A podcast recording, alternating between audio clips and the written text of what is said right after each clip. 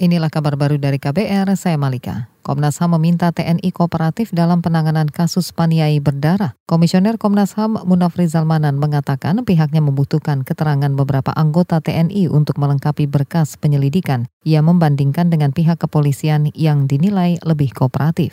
Sudah ada beberapa polisi yang sudah kami periksa, BAP, ya, kemudian komunikasi. Nah, sekarang yang belum dan sama sekali belum adalah pemeriksaan terhadap anggota-anggota TNI ya, yang eh, patut untuk diperiksa.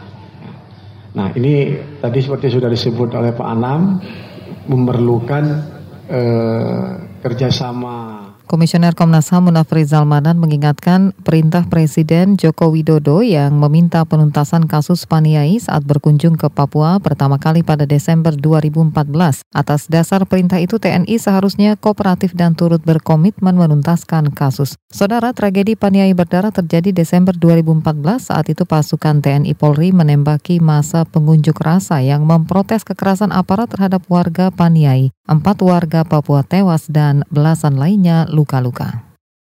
Kepolisian telah melimpahkan 31 kasus politik uang ke Kejaksaan. Kepala Bagian Pembinaan Operasional Bareskrim Polri, Niko Avinta, mengatakan berkas 30-an kasus itu telah lengkap dan akan dilanjutkan ke tahap penuntutan. Menurut Undang-Undang Pemilu, maka Polri harus e, meneruskan kepada Bawaslu dan dibahas Kak Kumdu. Sentra Kak Kumdu ini berisi e, Bawaslu, e, polisi dan kejaksaan Nah, bisa diproses atau tidak, maka kita kaji terlebih dahulu berdasarkan alat bukti yang ada. Bila terpenuhi diproses, kalau alat bukti tercukupi maka diproses. Bukan hanya diproses polisi, bahkan di kejaksaan, bahkan sampai juga di sidang.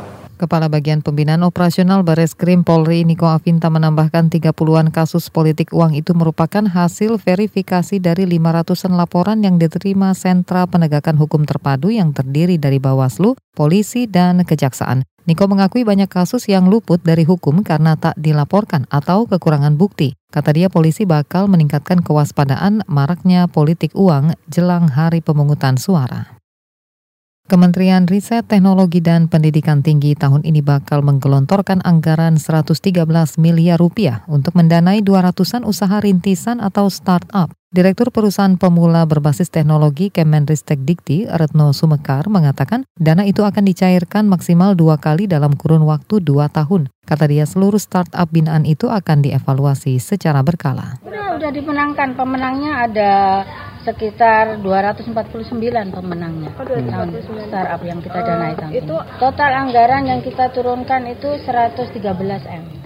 Direktur Perusahaan Pemula Berbasis Teknologi Kemenristek Dikti, Retno Sumekar, mengaku tak semua startup binaan itu bakal sukses ke depannya. Namun ia menilai capaian startup selama lima tahun terakhir sudah cukup baik. Hal ini juga terlihat dari meningkatnya jumlah proposal startup ke Menristek Dikti.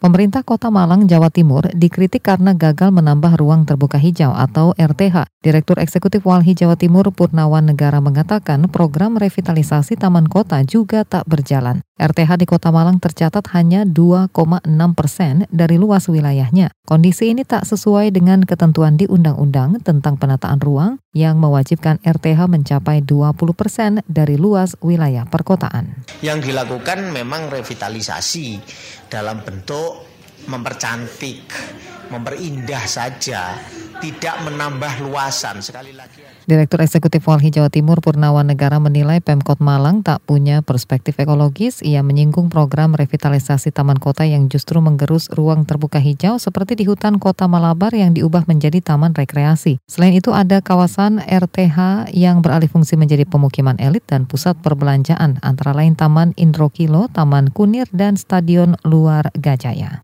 Demikian kabar baru dari KBR, saya Malika.